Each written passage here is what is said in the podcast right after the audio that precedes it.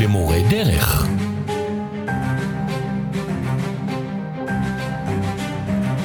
היי, כאן אלון מאתר בדרך למורה דרך. אנחנו uh, היום עם מורה הדרך יונתן אנסון. יונתן גדל באנגליה ועלה לישראל ב-1969.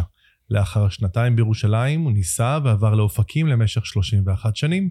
סיים את הדוקטורט בארצות הברית בסוציולוגיה, ועבד כ-30 שנים במחלקה לעבודה סוציאלית באוניברסיטת בן גוריון בנגב.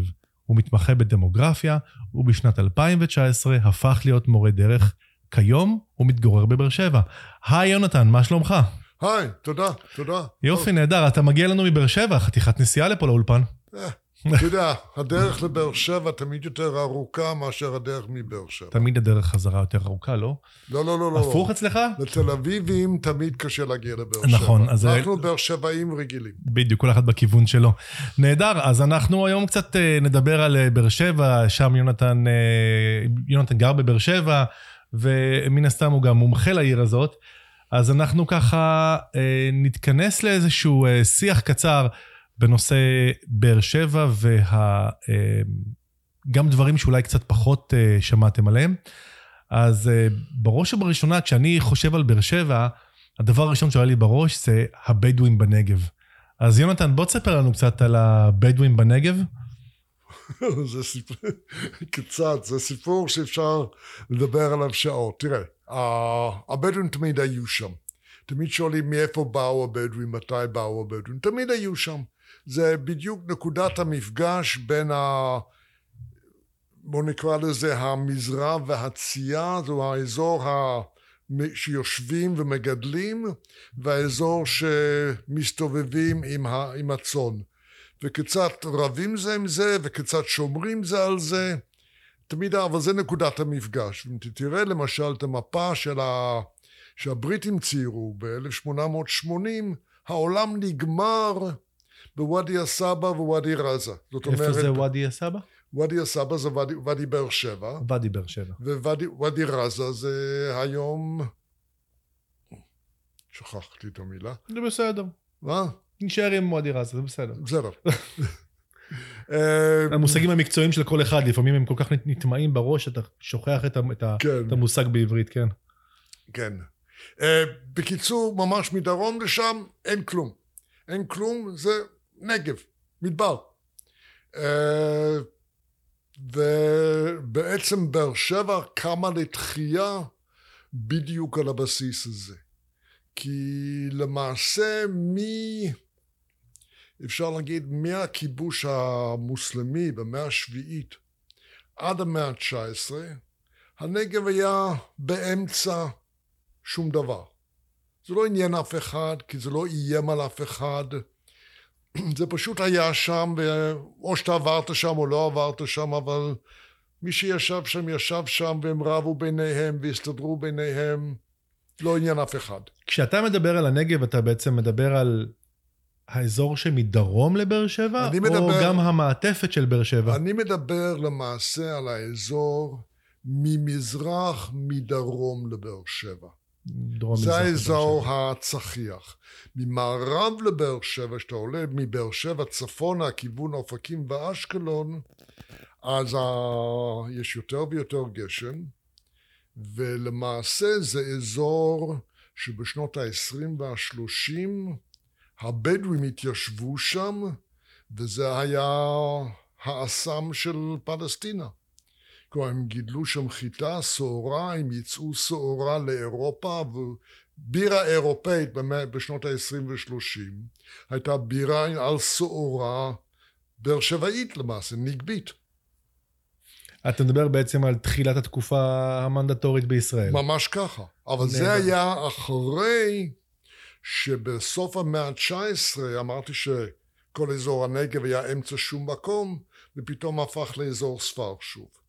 כי הבריטים נכנסו למצרים, הם קרעו את תעלת סואץ. נכון. 1882 הם השתלטו על מצרים. כן. ופתאום העות'מאנים מוצאים שהם לא שולטים באזור, אבל הם ממש נלחמים על האזור. אז, ואז... אז בוא רגע נשים את הבדואים ככה על איזשהו ציר זמן. בואו ננסה להכיר את הבדואים אה, לאורך השנים בבאר שבע וסביבה, ככה בכמה משפטים שנוכל להבין מול מי אנחנו עומדים שם בנגב היום.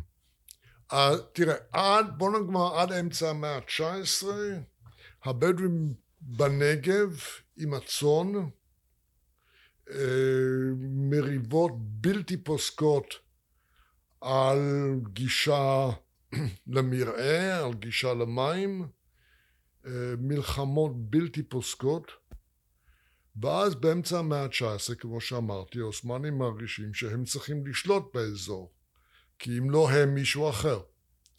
ואז הם מתחילים לעשות סדר. אז הם שולחים את הצבא, מבהירים לבדואים מי הבוס האמיתי. אתה, אתה מדבר על התקופה של אחרי הסכמי הקפיטולציות?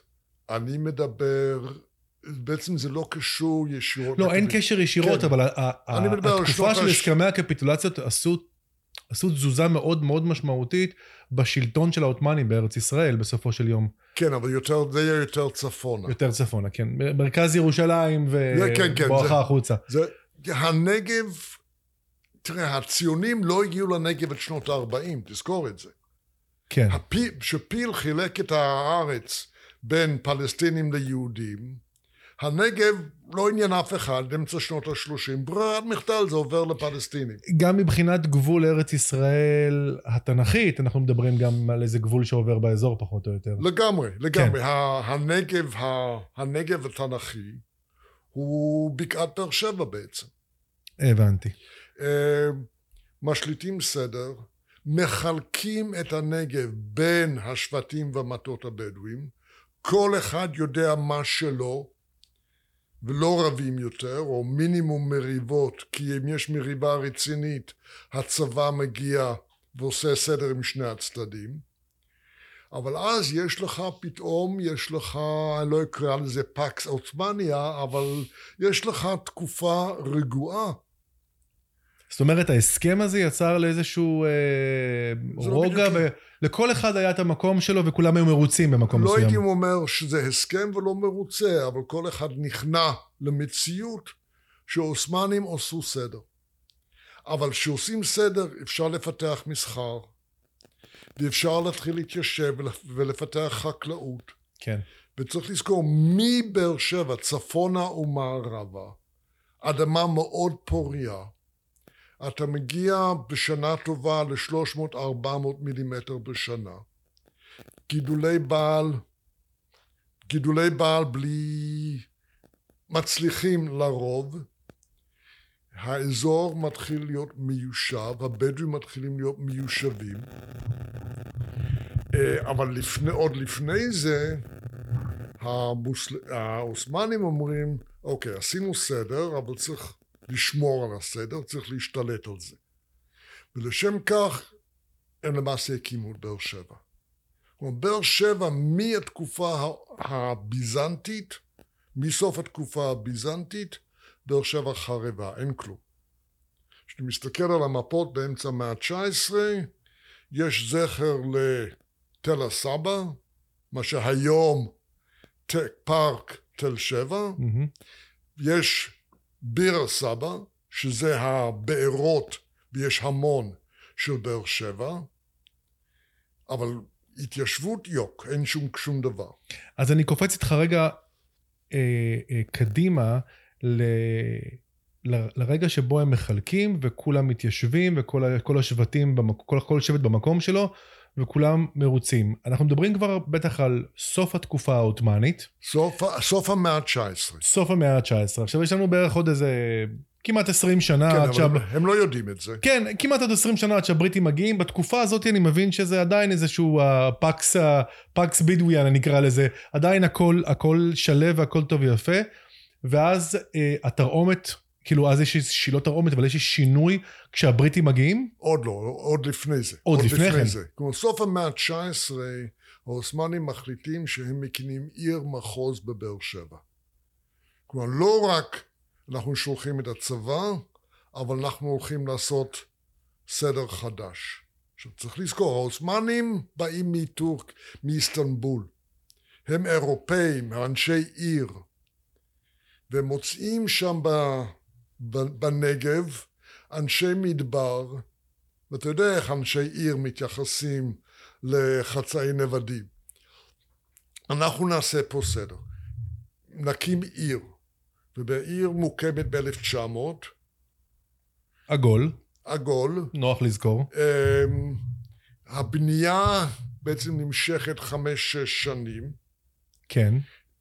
בונים בית, אה, בית ממשל, בונים מסגד גדול, בונים בית מושל שהוא גם מבית, אחר כך בית עירייה, אה, בונים פארק, בונים עיר אירופאית, שתי וערב, מנהטן, עם רחובות, אנחנו לא מדברים על אמצע שנות החמישים של המאה העשרים, זה אזור, זו תקופה של של סוסים ועגלות וחמורים. בוודאי, בוודאי. ועדיין הכביש הראשי הוא ברוחב 20 מטר. הכבישים האחרים ברוחב 15 מטר. כלומר, עד היום הכבישים סבירים. אה, הם בונים עיר אירופאית,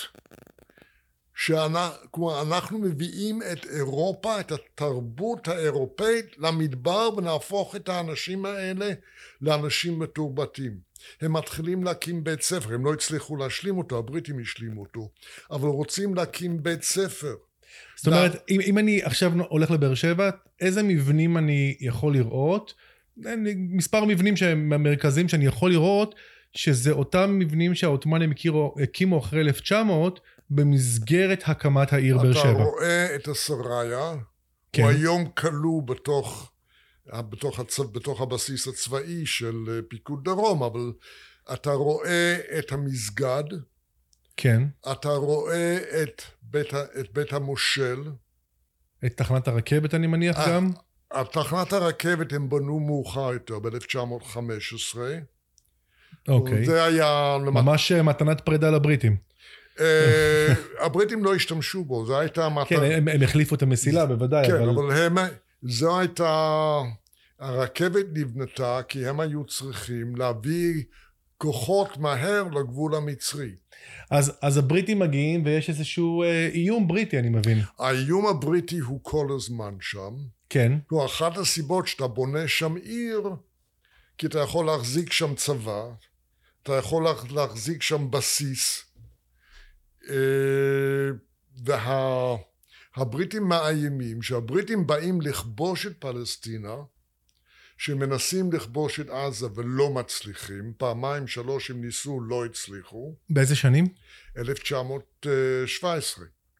אה, ממש בהתחלה, זאת אומרת זה בהתחלה תקופה שאנחנו מכירים כתקופה המנדטורית בארץ ישראל. הבריטים כבשו את סיני. אנחנו, אנחנו יודעים שהבריטים נכנסים לישראל בדצמבר, כאילו מבחינתנו כשאנחנו מסתכלים על, על המפה, אבל אנחנו יודעים, מה שאתה אומר, שהם עוד הגיעו לפני כן. הם נכנסו לירושלים בדצמבר, בדצמבר אבל כן. צריכים להגיע לירושלים. בוודאי, בוודאי, היה, היה תהליך. הם נכנסו באביב, הם הגיעו לעזה. כן. ניסו לכבוש, סיפור מן ההפטרה, כי הם כבשו את עזה למעשה, אבל המפקד שישב בקהיר אמר רגע זה ערב כבר צאו משם. ופעם שנייה שניסו העות'מאנים כבר ידעו מה הם הולכים לעשות אז עצרו אותם. ואז אלנבי בא החליפו את המפקד אלנבי הסתכל ואמר מה יש לי לכבוש את עוד פעם לנסות את עזה אני עוגף את עזה אני לוקח את באר שבע אז אלנבי בעצם אה, אה, מאגף את, אה, את עזה, מגיע לבאר שבע, אני חושב שעם אלנבי גם מגיעים כוחות אה, אנזק. בדיוק. מה ש... עכשיו כל, ה... אה, כל הביצורים בבאר שבע פונים מערבה, כי הם יודעים שמשם יבואו. ובעצם הבריטים נלחמו ממערב, רוב הקורבנות הבר... היו בריטים במערב. הם די הכניעו את העות'מאנים, התחילו להתקפל, אבל היה חשש שהם יהרסו את הבארות. בוא נשים את זה רגע על הלוח אה, לוח שנה, פחות או יותר, באיזה חודש אוקטובר, זה קורה? אוקטובר, אנחנו מדברים על אוקטובר. אנחנו על אוקטובר 1917. ב-17. זאת, ההכנע, זאת תקופת ההכנעה. בדיוק, ואז אלן, מה שאלנבי עשה, הוא שלח את אה, חיל הרכוב האוסטרלי באיגוף נחל הבשור. בסוף זה הגיע, אתה רואה? בדיוק, שלח באיגוף של איזה מאה קילומטר שהגיעו ממזרח, כן. ואז לעת ערב, ב-31 באוקטובר, האנז"ק על הסוסים כובשים את באר שבע ממזרח, אין שם כמעט ביצור, אין שם כלום, ומצליחים להגיע לבארות לפני שה... בעצם הגרמנים שהיו עם הטורקים מצליחים לפוצץ אותם. כן, אנחנו אה, אולי קצת אה, ככה הלכנו רחוק עם השיחה, אבל צריך להזכיר באמת שהגרמנים סייעו לעות'מאנים. ודאי, כן. בתקופה הזאת במרחב של ארץ ישראל, במהלך או במסגרת ברור. מלחמת העולם הראשונה, בוודאי. כן.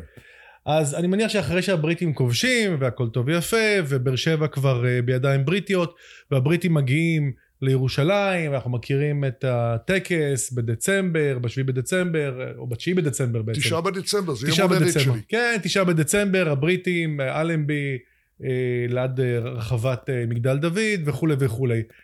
אבל אנחנו חייבים לחזור ולשאול, אז מה קורה עם הבדואים עכשיו? אוקיי, מה קורה איתם? תראה, ה... באר שבע יושבת בדיוק בנקודת המפגש בין, אמרתי שחילקו את הנגב בין השבטים, באר שבע יושבת בדיוק בנקודת המפגש בין ארבעת המטות, הקבוצות הגדולות. העות'מאנים קנו קרקע, חילקו אותו, חילקו אותה בין השבטים הבדואים. מי שרצה לקחת קרקע יבוא וייקח, בתנאי, פטנט שישראלים לקחו מהם, אתה לוקח בתנאי שאתה בונה. כן, כן. אה, מי שלא היה בדואי, ש... אבל רוב האנשים בעצם שנכנסו לבאר שבע היו סוחרים שהגיעו מעזה ומחברון. ובאר שבע ב- עד 1947 הגיע לסדר גודל של 5,000-6,000 איש, אבל למעשה היא, ש... היא אה, שירתה אוכלוסייה של קרוב למאה אלף איש בכל הנגב המערבי, בכל הנגב למעשה. כלומר, היא הפכה למ- למרכז השלטוני והמסחרי של כל הנגב.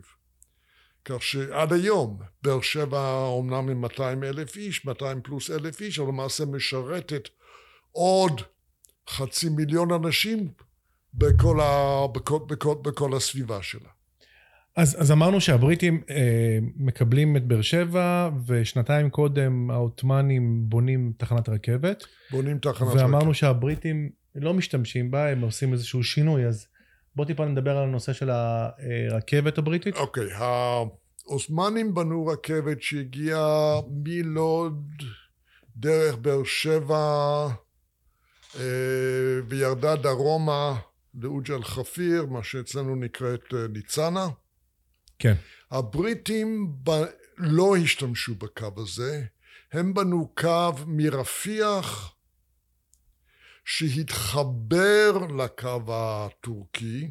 עכשיו, הקו הטורקי לא היה ברוחב סטנדרטי, הוא היה ברוחב מטר, מטר וחמישה סנטימטר. נכון. הבריטים הוסיפו פס שלישי כדי שיהיה לפי הסטנדרט שלהם. כן, אז זה מה שאנחנו מכירים uh, היום לפחות מהרכבות בישראל, אנחנו בסטנדרט שנשארו. כירושה מה, אנחנו כל... uh, מה, מהרכבות הבריטיות. לראיה, גם הכיוון הרכבות הוא סוג של הפוך. מי ששם לב, אנחנו רואים שאם אנחנו מסתכלים על נתיב אנחנו, לשני כיוונים, אנחנו ממש כמו הבריטים. אנחנו, אנחנו בנתיב השמאלי. כן. בנתיב השמאלי, בדיוק. כן, לגמרי. אמ, אגב, זה אותו דבר בבלגיה, שגם שם הבריטים בנו את הרכבות. אני נסתכל על קפריסין, בעוד מקומות שהבריטים שמו שם כן. דריכת רגל, בוודאי. כן. אבל אמ, האם הנושא של רפיח זה בגלל שדה התעופה שהיה שם באזור? שהיה אה, בעצם דרומית, שהיה- דרומית מזרחית לרפיח. מבחינת הבריטים זה היה לוגיסטיקה טבעית, לוגיסטיקה טבעית. כי בעצם הקו מרפיח הגיע ממצרים. אז זה היה בעצם חיבור של מצרים לתוך האימפריה היה הבריטית, שעכשיו הקו- נמצאת בתוך ארץ ישראל. הקו. עלה ממצרים דרך עזה צפונה, בסופו של דבר הגיע עד הגבול הלבנוני, הם אפילו עם המנהרות אה, עד ביירות וכולי, אה, ואז הוציאו מזה קו לבאר, לבאר שבע, אם כי הוא לא, הוא לא פעל, הוא לא היה רנטבילי. אוקיי, נהדר. אז אנחנו ככה רצים לכיוון 1948, שנה, נקרא לזה מאוד משמעותית אה, לנו, לעם ישראל, אה, בארץ ישראל. אה, תש"ח, אני מניח שהיה מערכה או מספר מערכות בתש"ח אה, בבאר שבע וסביבתה. אה, קודם כל, הצבא המצרי הגיע עד באר שבע. אה, הייתה מתקפה על בית אשל, הם לא הצליחו לכבוש את בית אשל. לא הצליחו לפגוש את, לכבוש את, את בית אשל. באוקטובר 48' מבצע משה אה, באר שבע נכבשה, כמעט ללא ירייה בסופו של דבר. אה, האוכלוסייה נעלמה, לא, לא ניכנס לפרטים, אבל למעשה כולם עזבו. באר שבע אתה אומר אוכלוסייה, אוכלוסייה בדואית? האוכלוסייה, היא לא הייתה, היא הייתה פלסטינית, ברובה הייתה פלסטינית. כן. גם רוב האוכלוסייה הבדואית כן. עזבה. הבנתי, אוקיי. Uh, מתוך סדר גודל של 80-100 אלף uh, בדואים ב-47 נשארו 11-12 אלף ב-49. וואו, זה משמעותי. לגמרי. זה ממש משנה מבחינה דמוגרפית את באר שבע. לגמרי, ואז ב-51 צה"ל, בערך שני שליש נשארו בנגב המערבי, בערך שליש בנגב המזרחי. 51 צה"ל מבקש מאלה שבמערב לעבור מזרחה לחצי שנה למת... כדי, כדי שנוכל לקיים תרגיל צבאי, והתרגיל הצבאי הזה נמשך עד היום. כן, מה שזמני בישראל בדרך כלל הופך להיות קבוע. לגמרי. ואנשים יש להם מכתב שאומר להם, אתם עוברים לחצי שנה וחוזרים. עד היום הם שומרים את המכתבים האלה. יפה. יפה. תגיד לי, אז אה, ככה, דיברנו, רגע, דיבר, דיברנו אני על... רק, אני רק אוסיף עוד דבר אחד. אם כן. אתה נכנס לאתר של עיריית באר שבע היום, אוקיי. ואתה שואל מי היה ראש העיר של באר שבע, מי היה ראש העיר הראשון של באר שבע? דוד טוביהו כמובן, מ-1948. ומה לפניו? לא היו ראשי עיר? טבולה ראזה. לא מבחינת, היה... אתה אומר... אה, מבחינת עיריית באר שבע, העולם מתחיל ב-1948. תשמע, פה בארץ ישראל יש הרבה דברים שמתחילים ב-1948. בדיוק, לגמרי. אז זה עניין של תפיסה, אני מניח. לגמרי. אמ, טוב, יפה, אז בוא, בוא טיפה נדבר על מה קורה בבאר שבע היום. ככה בקצרה כדי שלהבין, כי אנחנו אה, זרמנו על באר שבע מהמאה ה-19 לקראת סוף המאה ה-19, אה, ממש בתחילת המאה ה-20, כאשר העות'מאנים מקימים את באר שבע, הבריטים מגיעים ב-1917, בתש"ח אה, באר שבע הופכת להיות חלק ממדינת ישראל, כן. והיום איך באר שבע נראית? ממש בכמה משפטים? באר שבע היום אוכלוסייה של 200 בין 200, אני לא זוכר בדיוק, 200-250 אלף. היו כמה גלים גדולים של הגירה, של עלייה. קודם כל העלייה הצפון, הצפון אפריקאית בשנות ה-50 וה-60. כן. המעברות ויישוב המעברות אה, בשנות ה-70 ואחר כך שוב בשנות ה-90 עליות רוסיות גדולות. אה, בשנות ה-90 באר שבע ממש הכפילה את עצמה. אתה מדבר על העלייה מברית המועצות. כן, כן. כן. כלומר, הייתה גם עלייה, הייתה גם עלייה די משמעותית ב, בשנות ה-70, אבל יחסית קטנה מבחינת באר שבע. כן. אה, אבל בשנות ה-90 ממש גל גדול. באר שבע ממש ילדה, הכפילה את עצמה. Uh, היום יש לנו אוניברסיטה גדולה, בית חולים גדול, תעשיות uh, כימיות. אה, מדרום לבאר שבע, מה שהיו בתוך באר שבע והועברו דרומה. בכל זאת לא סתם קוראים לה בירת הנגב. לגמרי, כי בעצם זו ה... בין אשקלון אה, לאילת, יש... באר שבע היא העיר הגדולה. כן. וכלומר, יש עיירות, ערים, עיירות, תקרא לזה איך שתקרא, מסביב. אה, רהט היא עיר של קרוב למאה אלף איש היום. אה, יש גם, כלומר, יש עיירות הפיתוח, ערי הפיתוח היהודי, היהודיות, הערים הבדואיות, הכפרים הלא מוכרים. אתה מתייחס לכל היישובים סביב באר שבע כל... כבאר שבע בסופו של יום. באר שבע משרתת אותם. הבנתי אותך. טוב, נהדר. אז uh, הבנו את באר שבע, אנחנו uh, אות קצר, נתחיל לדבר קצת על האתרים בבאר שבע ונשלח אתכם קצת לטייל בבאר שבע.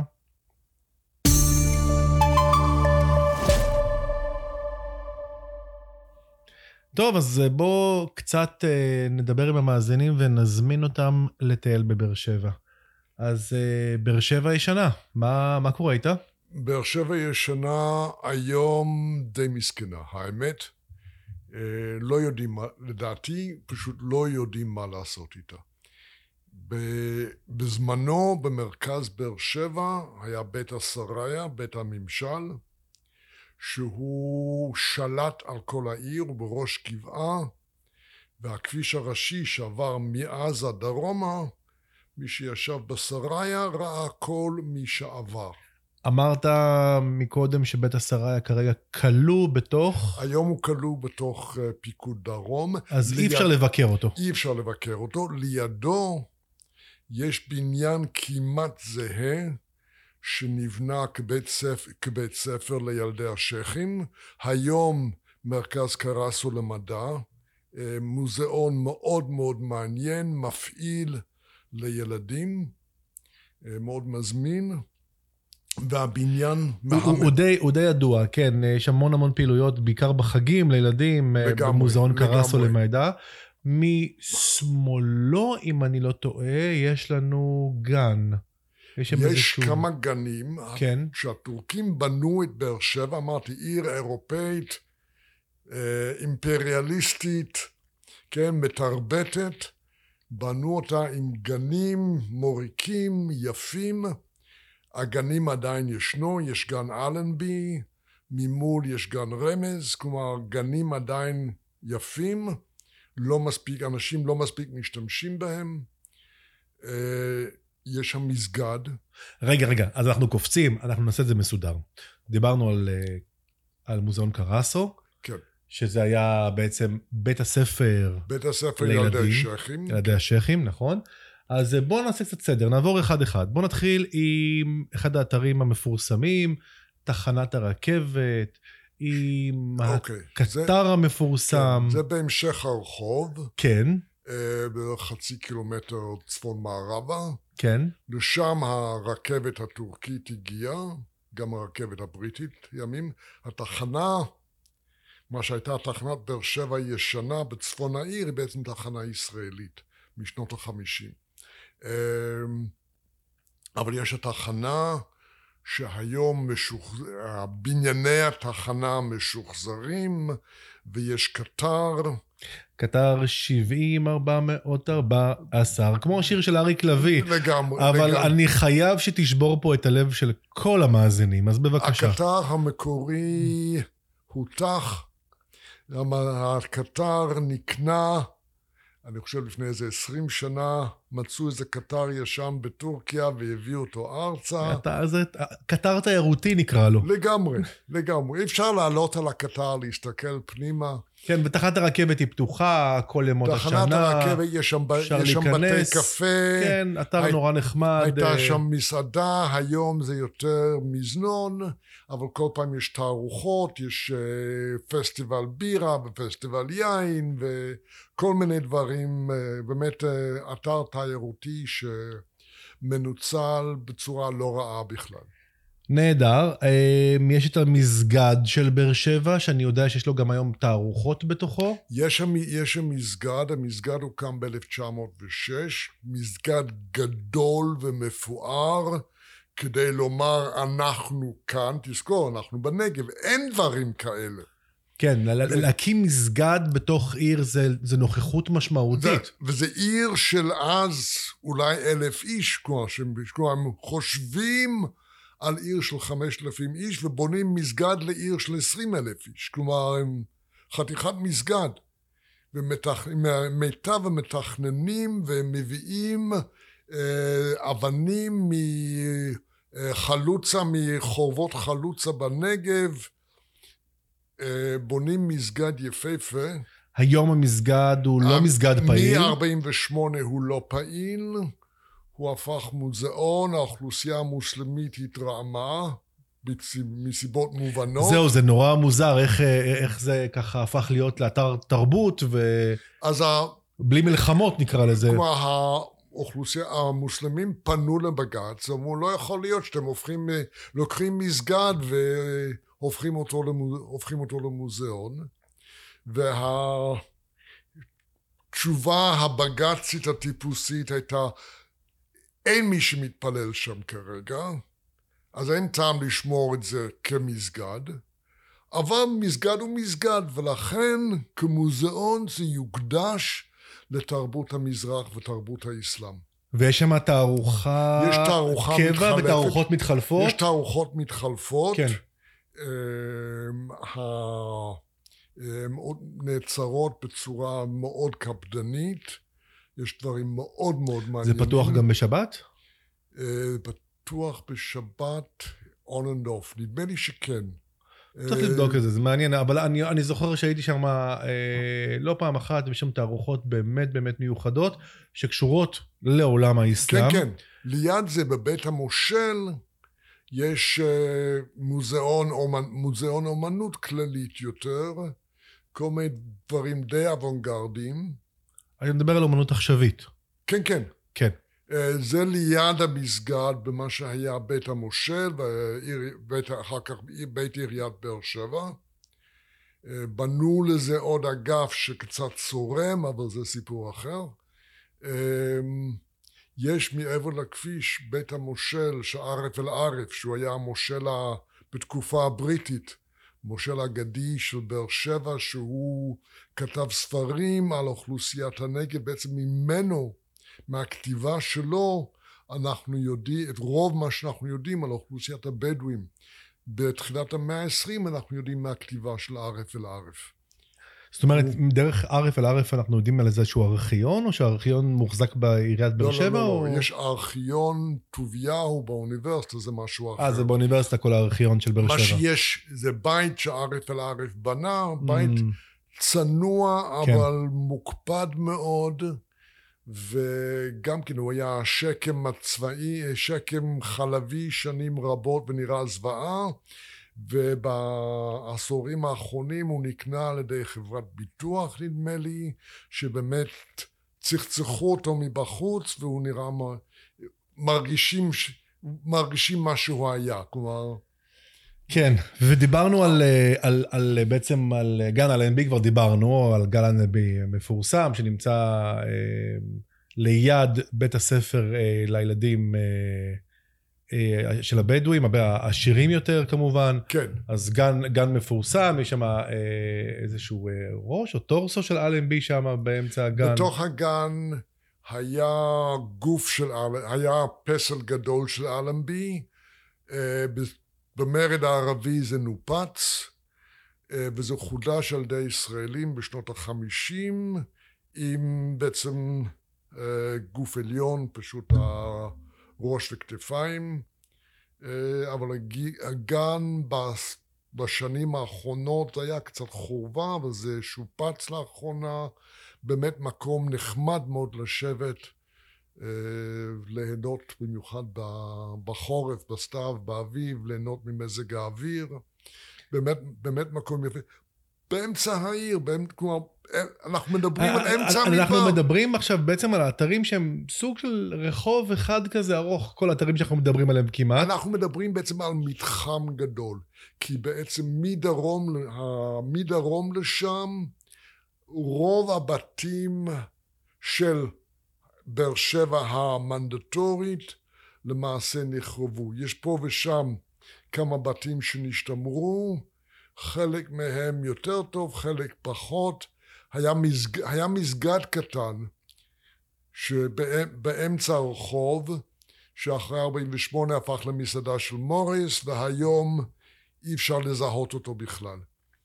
טוב, יונתן, אי אפשר בלי אה, להקדיש את הזמן שמגיע לאוסטרלים. ואני לגמרי, מתכוון, אני לגמרי. מתכוון כמובן לאנזק. ברור. אז אה, שלושה אתרים חשובים מאוד בבאר שבע, שנוגעים באנזק, באוסטרלים בעצם, של מלחמת העולם הראשונה. האתר הראשון, אה, בית הקברות הבריטי אנזק. הוא לא, הוא, הוא לא אנזק, בית קברות אנזק, הוא בית קברות בריטי, מהמם. commonwealth war graves, רוב מי שקבור שם הם אנגלים. אמרתי, במלחמה, בקרב על באר שבע, רוב הקורבנות היו בצד המערבי, היו בריטים, לא אוסטרלים. אה, אחד מבתי הקברות של הבריטים בארץ, מקום רגוע, שקט, כמו, כמו כל בית קברות בריטי, בדרך כלל בתי קברות הם שקטים. הם שקטים, לרוב הם, לא, אבל... לרוב הם אה, שקטים. יש כאלה שהם מגודלים ו... ופראיים, ויש כאלה שמטופחים, וזה מטופח. עד היום מטופח יום-יום, גוזמים ומסדרים ו... ומשקיעים. זה ממש בית קברות אירופאי, כמו שאנחנו רגילים לראות בסרטים, זה לא כמו שאצלנו. ממש, ממש ככה, כן. ממש ככה. כל, כל מצבה בדיוק אותה מצבה, כמובן עם הכיתוב של הבן אדם. יש יהודי אחד שם, ותמיד אתה יכול לזהות אותו לפי האבנים על המצבה. כן. בשורה הראשונה מול ה... של ה... את זוכר את שמו במקרה? ון מישהו? אני לא זוכר. כרגע. מישהו, אוקיי. אל תתקיל אותי. לא. לא מתקיל, בוודאי, לא, לא, אני... זה סתם שאלה, אמרתי אולי רק להכווין את האנשים, אבל אתה אומר בשורה הראשונה. בשורה הראשונה. הכי אתה קל. נכנס בשער, הולך עד הסוף, עד המוזיאון, מול המוזיאון. בצד ימין אתה תראה מצבה עם המון אבנים קטנים, קטנות. זאת המצבה. הבנתי. אז זה בעצם בית הקברות של אותם אה, בריטים וגם... אה, גם האוסטרלים, אבל גם האוסטרלים? לרוב בריטים שנפלו במערכות בארץ, בלי, לאו דווקא בבאר שבע אפילו. אה, אוקיי, אוקיי. עכשיו, צמוד לבית הקברות הזה, ישנו מוזיאון שלי יש זיכרון מאוד מאוד מאוד טוב מקורס מורה דרך כשביקרנו בו. יש במוזיאון הזה הפתעה, אנחנו לא נספר את ההפתעה, כי היא צריכה להישאר הפתעה למי שמגיע לגמרי, לבקר, לגמרי. חד משמעית. בוא טיפה תספר לנו על המוזיאון הזה. זה מוזיאון האנזק. הוא, הוא הוקם לכבוד 100 שנה לקרב ב-2017. יש שם אה, תצוגות של חיי החיילים, ההיסטוריה של החיילים האוסטרלים. הם קצת מדגישים את המקום של האנזק, של האוסטרלים, על פני הבריטים, אתה יודע שאני מאנגליה.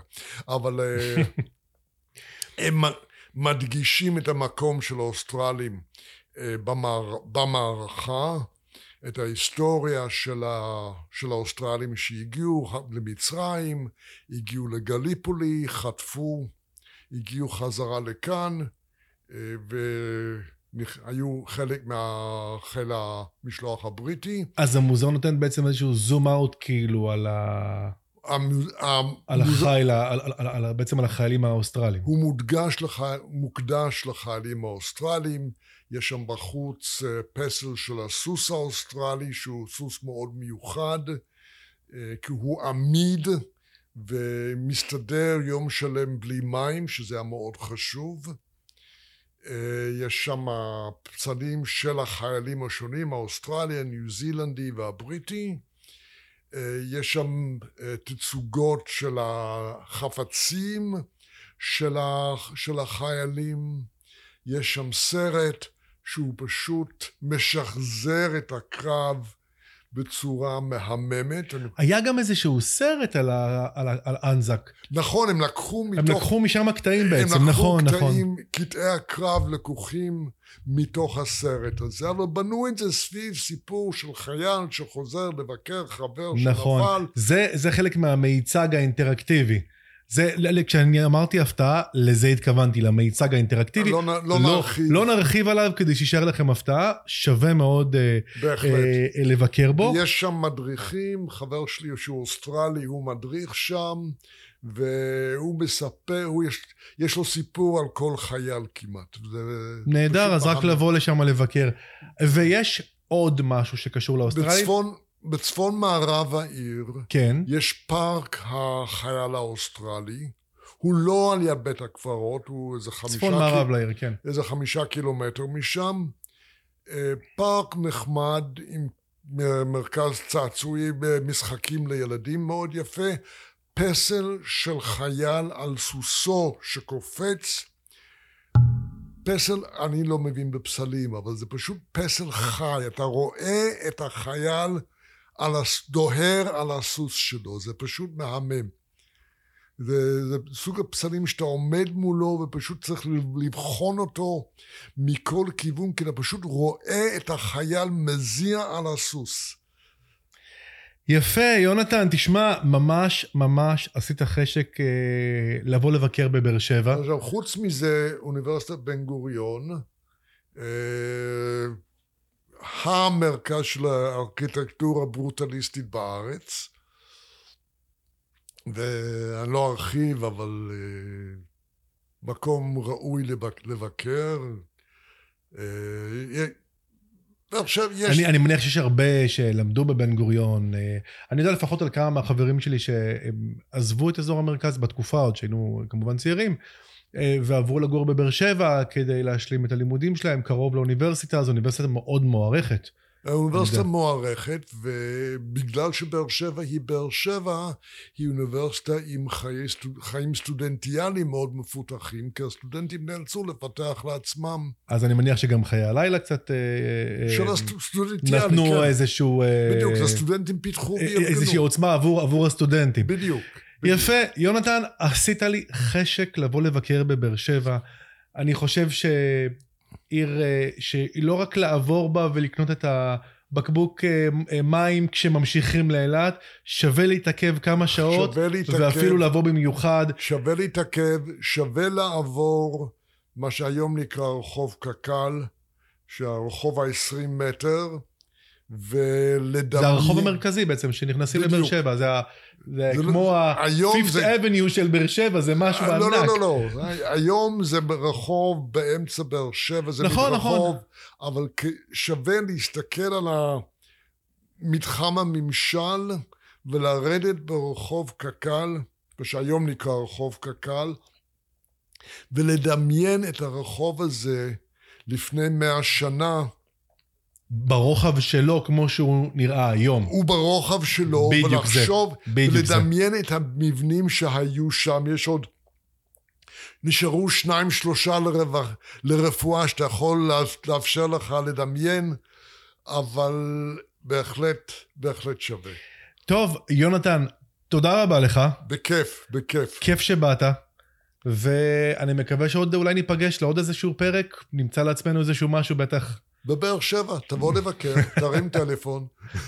טוב, יונתן, אז תודה רבה לך, ואנחנו נתראה, אני הייתי אלון נבון, בדרך למורה דרך, אה, בינתיים, עד הפרק הבא. אז אה, ביי בינתיים.